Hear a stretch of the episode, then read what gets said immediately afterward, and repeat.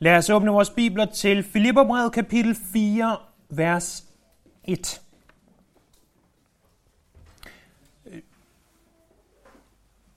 Når du slår op, i hvert fald i den danske bibel, kan du let blive snydt, når du forsøger at finde vers 1, fordi det står egentlig sammen med slutningen af kapitel 3. Så det der er kapitel 4, vers 1, og vi læser de første tre vers af kapitel 4. Derfor, mine kære brødre, som jeg længes efter, min glæde, min sejrskrans, stå således fast i Herren, mine kære. Jeg formaner Judia, jeg formaner Syntyke til at enes i Herren. Ja, jeg beder også dig, trofaste Synsykos, hjælp dem, for de har kæmpet for evangeliet sammen med mig og sammen med Clemens og mine andre medarbejdere, hvis navne står i livets bog. Menigheden i Filippi, de havde det på afskillige måder ganske godt. De var på et godt sted. De, de var ikke ligesom menigheden i Korinth. Øh, men ligesom alle andre kristne, så havde menigheden i Filippi selvfølgelig deres udfordringer. For eksempel så vi tilbage i kapitel 3, at Paulus han advarer mod en gruppe af mennesker, som vil gøre omskærelse til en nødvendighed for frelsen. Øh, vi ser også, at i kapitel 3, at der var påstået kristne, der levede for deres kødelige appetitter. Øh, her i kapitel 4 har vi lige læst om to kvinder, Judæer og Syntyke, som ikke enes, som har uenighed. Så selvom de var på et rigtig godt sted, selvom Paulus ikke har det store at udsætte på menigheden, så var der alligevel udfordringer. Øh, Grunden til, at der i enhver menighed er udfordringer, at der i enhver menighed er ting, som, øh, som kan have sine problemer, det er, fordi der er noget i menigheden, der hedder mennesker. Mennesker giver udfordringer. Uanset hvordan vi vil, så, så vil mennesker give udfordringer. Og temmelig sikkert vil dine udfordringer ikke være de samme udfordringer, som man havde i Filippi. Men en ting er sikkert, det er, at som menighed og som mennesker individuelt har vi alle sammen udfordringer. Øhm, lad nu være med at fokusere på de specifikke ting, der skete i Filippi. Fordi de specifikke ting, der skete der, er som sagt temmelig sikkert ikke de samme ting, du sidder med. Tænk i stedet for bredere og sig, okay, de havde de her problemer, de havde de her udfordringer. Hvordan er mine udfordringer? Hvad, hvad er det, hvor er det, jeg kæmper? Hvor er det, jeg har det svært? Og, og så se på de principper, som der er. Fordi det, der er her, det er nogle principper. Øh, dengang jeg var væsentligt yngre, end jeg er i dag, der gik jeg ufattelig meget op i sådan noget friluftsliv. Jeg, jeg elskede at gå på vandreture, det kan jeg som stadigvæk godt lide, men dengang, der var det, der var det nærmest mit et og alt, det her vandreturs ting. Jeg blev rigtig god til at læse et kort. Jeg blev rimelig færm til at bruge et kompas. Og, øh, og så udover at jeg var på vandretur, så var jeg også nogle gange på de her lejre, hvor at vi skulle bruge et kort og et kompas. Og øhm, jeg var nok lidt for god til det. Øh, jeg var i hvert fald så god, så at at jeg tror, at andre de er lidt begyndt at drille mig. Jeg tror ikke helt, jeg fattede på det tidspunkt, at det var et lidt øh, venligt drilleri, men de kaldte mig Ranger, fordi de synes, det var så vildt, at jeg var, gik så meget op i at bruge et kort og kompas. Det var lige indtil, at de synes, det var, de, de synes, det var sjovt, lige indtil, at vi skulle øh, igennem et eller andet skovstykke, og, og at jeg kunne pejle dem lige igennem. I ved, pejle, det er der, hvor man tager kompasset og sigter efter et punkt. Og, og når du så finder det punkt på den rigtige grad, øh, så går du efter det punkt, og så finder du et nyt punkt, og sådan vil du komme frem til dit mål. Øh, det gjorde dem faktisk temmelig imponeret. Jeg er ikke sikker på, at jeg kunne gøre det i dag. Og jeg ved ikke, om jeg vil turde forsøge, men dengang kunne jeg. Og jeg lærte, at hvis du skulle øh, bruge kompas, så var du nødt til at gå efter et pejlemærke. Et, et kendetegn i naturen. Øh, noget, som, som du kunne bruge til at hjælpe dig igennem din vandring. Sådan er det også både som menighed og som individ. At hvis du skal fra det her sted, du er i livet, og frem imod den himmelske by, så vil du gå efter pejlemærker. Du vil være nødt til at indstille dit kompas. Og det som kapitel 4, vers 1-3 gør, jeg at give os tre forskellige pejlemærker, eller vi kunne også kalde dem principper, for at navigere igennem livets udfordringer. Ikke alle udfordringer, men nogle af de udfordringer, der opstår.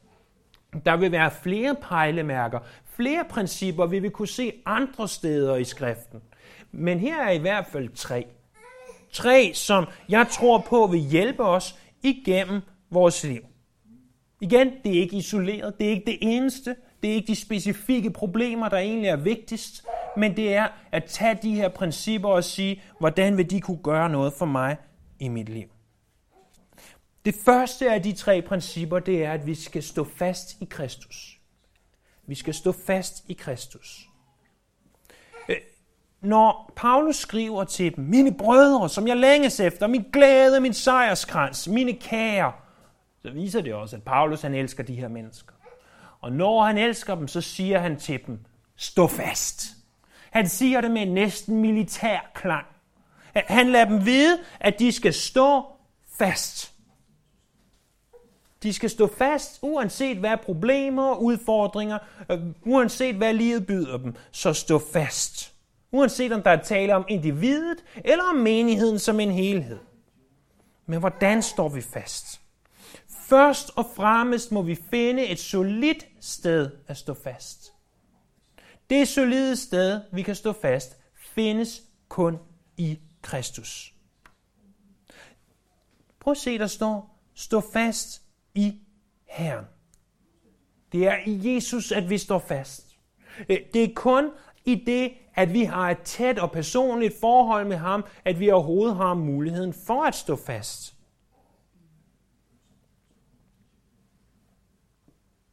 Det kan, det kan næsten lyde barnligt eller som en kliché, men, men det er alt andet lige sandt. Fordi det, som, som er på sin vis barnligt eller klichéagtigt, er ofte de dybeste sandheder. Det er, at du bliver nødt til at tage dine udfordringer, dine problemer, dine problematikker i livet til Jesus.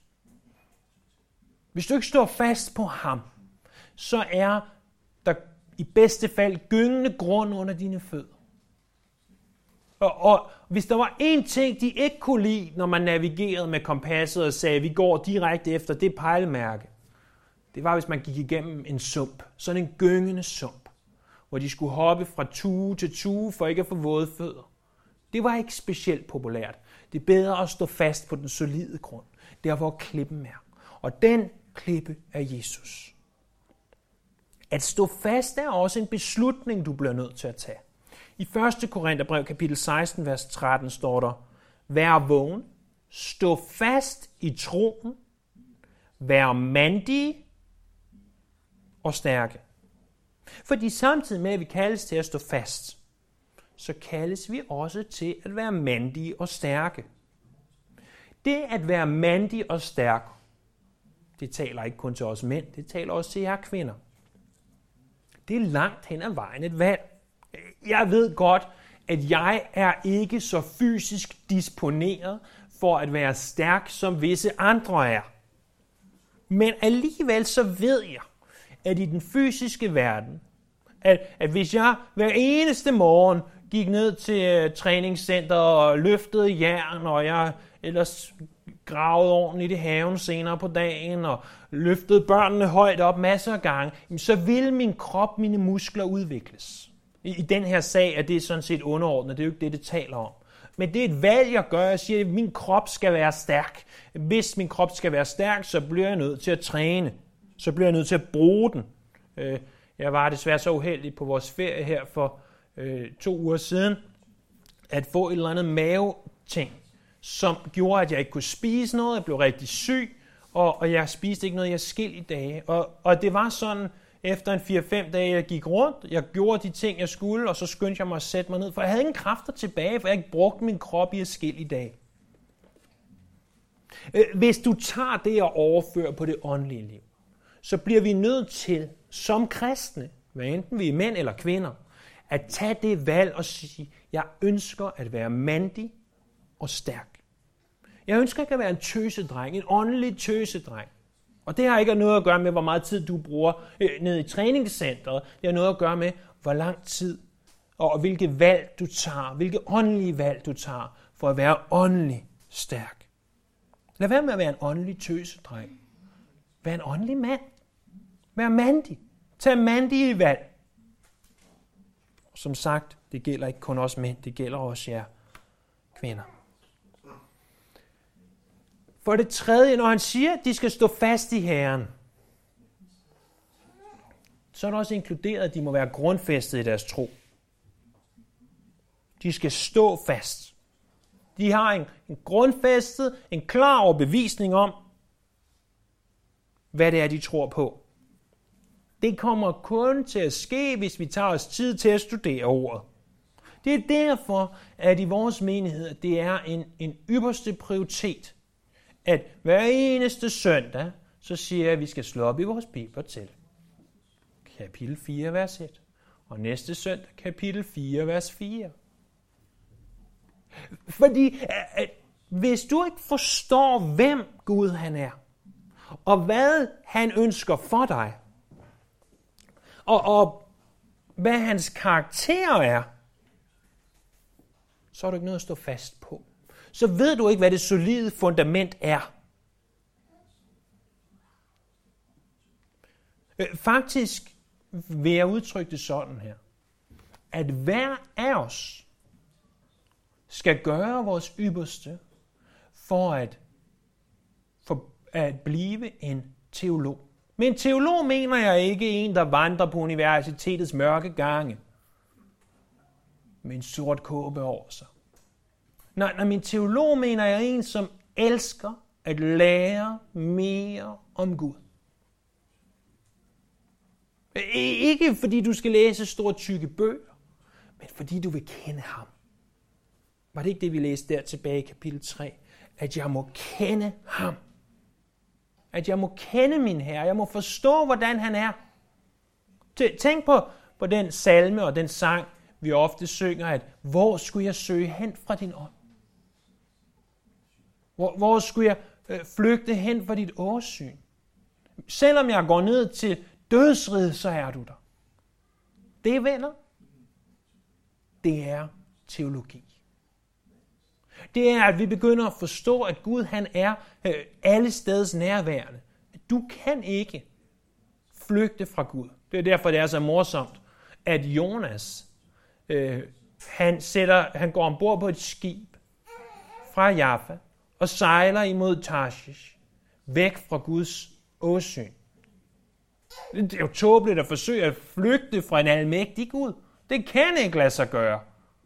Fra en allesteds nærværende Gud. Uanset om Jonas er i Jaffa, uanset om han er ombord på skibet, uanset om han er i fiskens mave, så kan han ikke flygte fra Gud. Og det, venner, er bare et eksempel på, hvad det, at vi forstår Gud bedre, kan gøre for os. For når vi forstår, at vi ikke kan flygte fra Gud, så forstår vi også, at han ikke vil flygte fra os.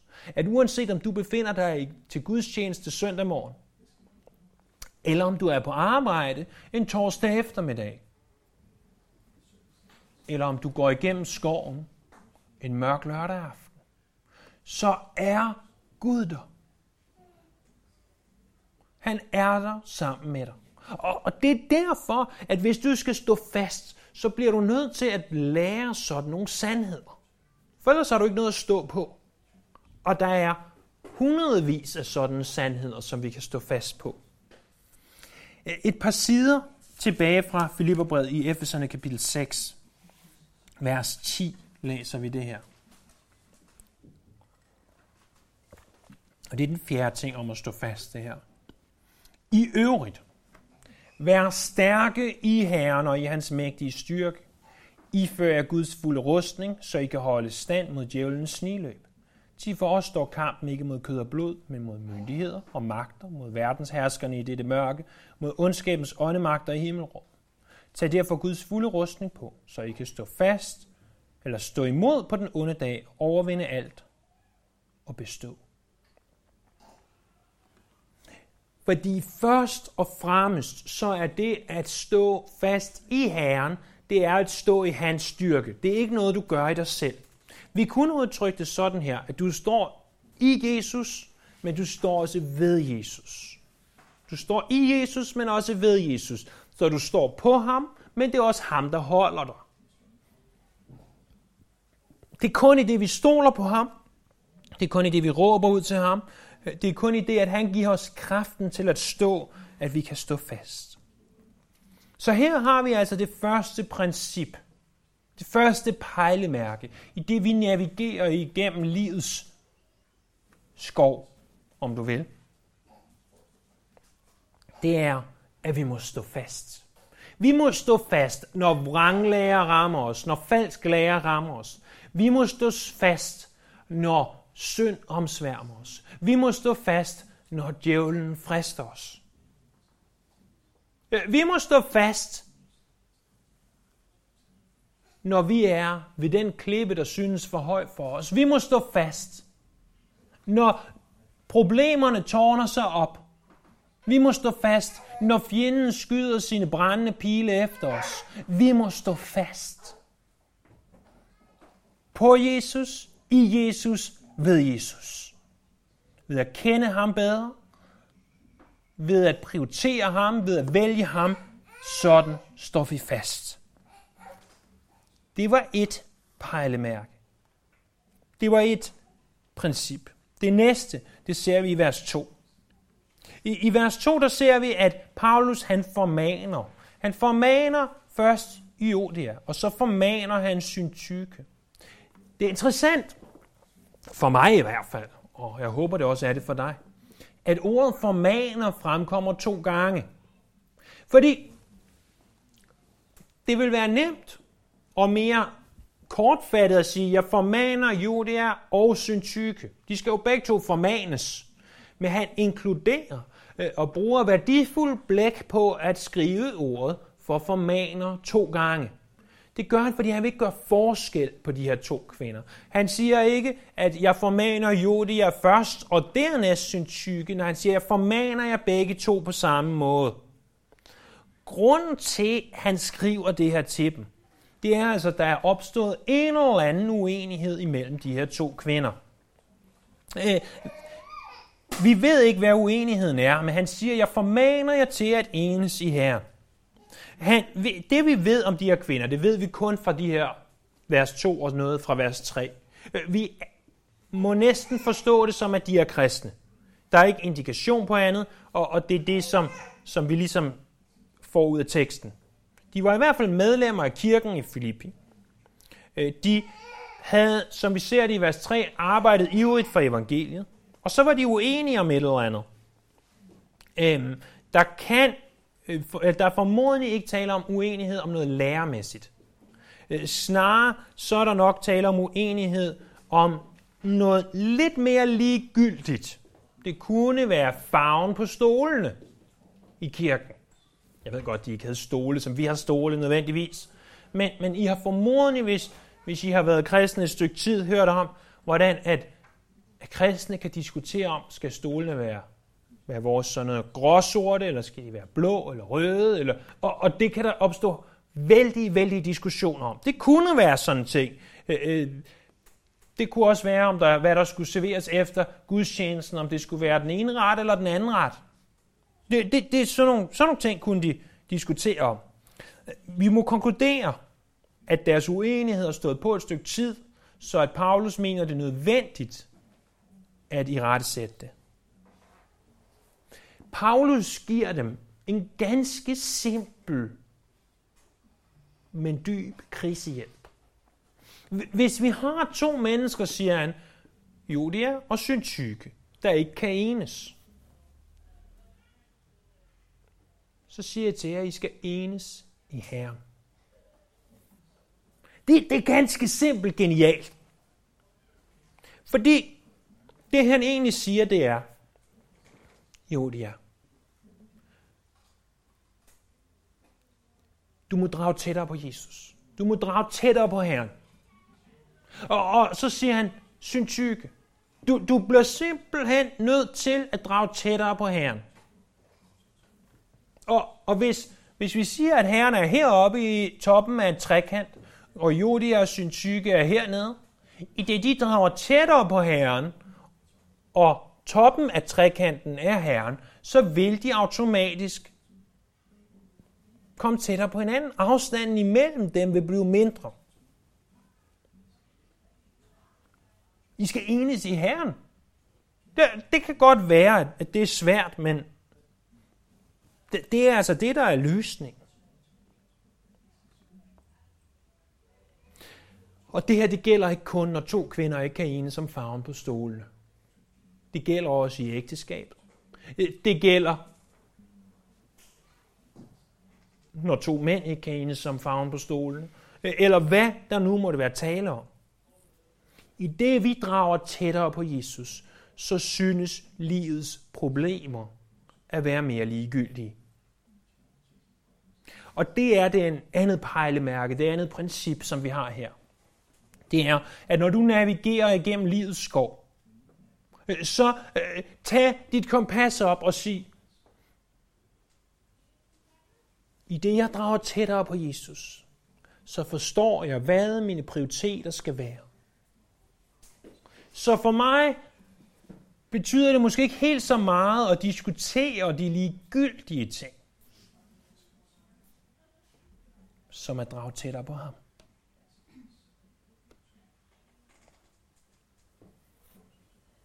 Der er et tredje princip, et tredje pejlemærke, og det finder vi i vers 3. For nu retter Paulus henvendelse til den trofaste synsykos. Hvis du sidder med en engelsk oversættelse af en eller anden grund, så kommer det lidt an på, hvilken oversættelse der taler om, men mange af dem oversætter det her ord synsykos med øh, det engelske ord yoke fellow. Og øh, altså en, som bærer et å sammen med. Der hersker tvivl om Synsykos er et navn eller en titel. De, der argumenterer for, at det er en titel, de siger, vi finder ikke det navn noget andet sted i historien. Når, når vi tager til Ægypten og læser papyrus, og når vi tager til andre steder og læser øh, deres skrifter fra det første århundrede, finder vi ikke en eneste anden mand, der hedder Synsykos. Så hvorfor skulle ham her have haft det her unikke navn, vi ikke finder andre steder? Øh, og når ordet betyder jo en å-trækker, eller en, der er god til at trække et å, øh, sådan et å, der ligger over to okser, og, og det, det øh, derfor så, så er det altså bedre at oversætte det som en titel. Fordi det er jo netop sådan en type person, der vil være god at have til at skabe enighed i menigheden, en, der er god til at samarbejde. Andre siger derimod, det kan godt være, at vi ikke finder navnet i antikken, men det gør vi ikke med alle navne. Derudover siger de også, så vil det være mystisk, at man i vers 2 siger, nævner Jodia og Syntyke, to navne, og senere i vers 4 nævner Clemens, men på den her person, der nævner man ikke et navn. Om du vil tage det her og sige, jeg tror, at det er en faktisk person, der hed Synsykos, eller sige, det er en, navn, en person, som er givet til navnet en å-trækker, en yoke fellow, øh, det, det tror jeg ikke ændrer betydningen voldsomt. Fordi uanset hvem den her person er, så beder Paulus ham hjælpe de to kvinder, Jodia og Syntyke. Han siger, tænk på, hvor meget de har gjort for evangeliet. De har kæmpet sammen med mig. De har stået skulder om skulder med mig og kæmpet for evangeliet. Vil du ikke nok hjælpe dem til at enes? Og det tredje princip, som vi ser, det tredje pejlemærke og sidste, det er netop det, at vi skal hjælpe hinanden.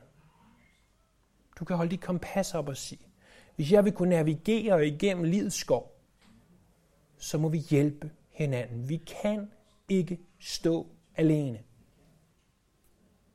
Det kristne liv leves ikke i isolation.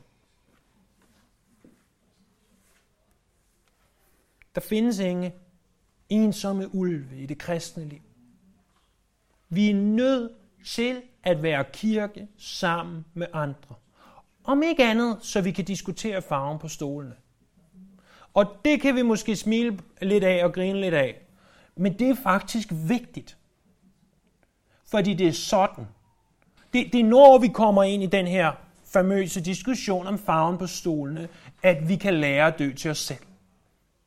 At, at vi kan forstå vigtigheden af, når jo, men om de er sorte eller grå eller grønne, ændrer det noget. Og det er egentlig også det, som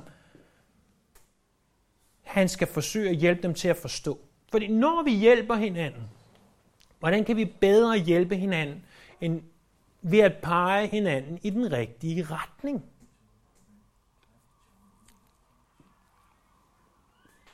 Fordi uanset hvad de diskuterer, så var det, som Jodia og Syntyke diskuterede, næppe specielt vigtigt, sammenlignet med det sidste, vi læser i vers 3. Hvis navne står i livets bog. Så det, som Synsygos, ham her, Yokefellow, han skal gøre, det er at pege dem på det faktum, at deres navne står i livets bog. Og jeg kan se diskussionen for mig. Og øh, Judia siger, jamen stolene, de skal være pastelmænd.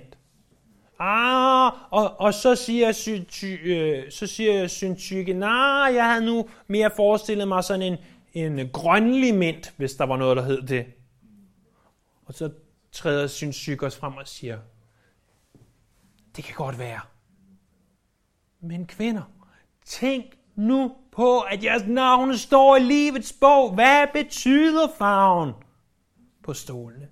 Ja, men siger den ene af dem så, jeg forestiller mig altså til vores gudstjeneste, at vi skal have fem lovsange.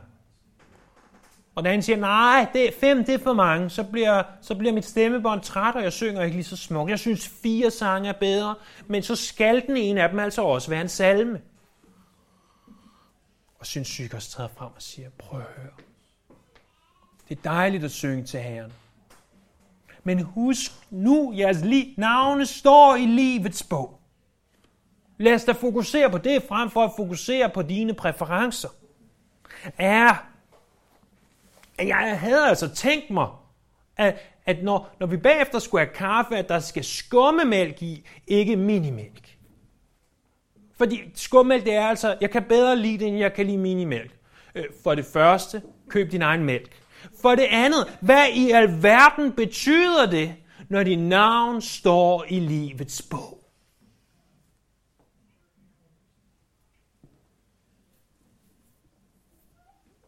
Kan vi ikke prøve at lægge nogle af de ting, som er lidt mere ligegyldige til side?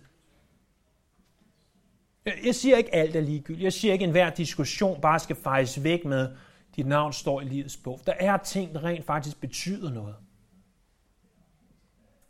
Men de ting, der ikke betyder noget, hjælp andre til at huske på, at deres navn står i livets bog.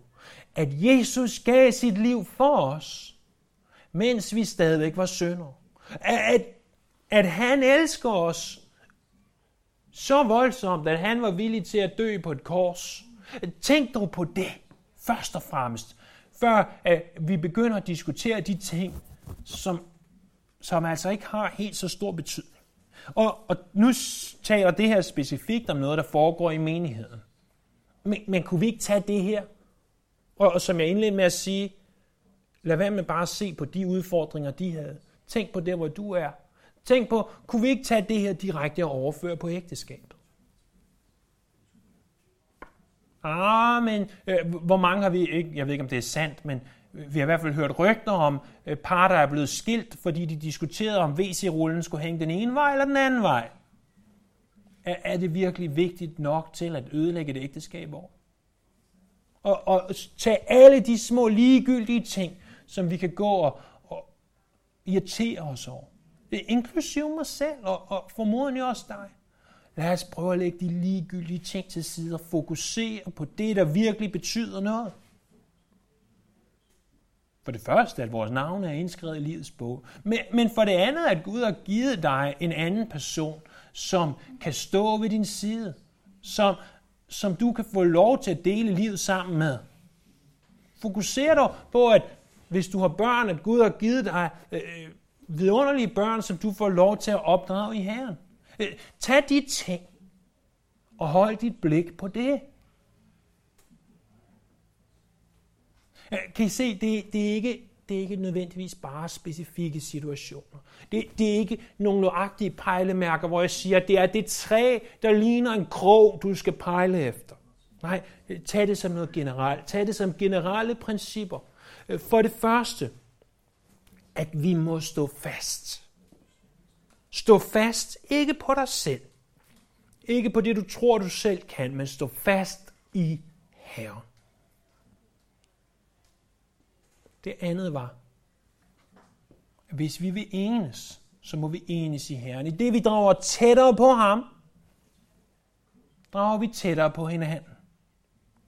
Og det sidste er, at vi må hjælpe hinanden til at få det rette perspektiv.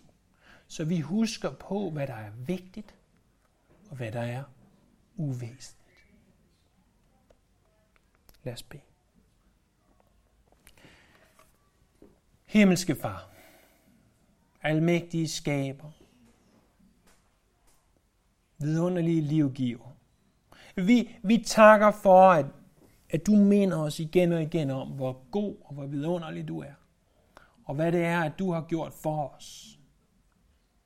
Og i det vi forsøger at navigere igennem livets skov, med det åndelige kompas her, så hjælp os til at tage de rette pejlemærker. Hjælp os til at sigte efter det, som drager os tættere på dig. Det, som gør os mere lige dig. Der, hvor vi med Paulus skal sige at kende ham. At kende dig, her. At det er det, der er vores mål. Her, hvis jeg tænker over det, og hvem jeg helst vil ligne, om jeg helst vil ligne jo, det er eller om jeg hellere vil ligne en så vil jeg langt hellere være en synsyker, sagde jeg. Men jeg er bange for, at jeg ofte opfører mig mere som de to kvinder. Diskuterer de ligegyldige ting i livet. Hjælp mig her. Hjælp os til at få et evighedsperspektiv. Hjælp os til at forstå, at du kommer igen. Hjælp os til at forstå, at vores borgerskab er i himlen. Og det er det, som er væsentligt. Og for det her takker vi dig, vi priser dig, og vi tilbeder dig. Amen.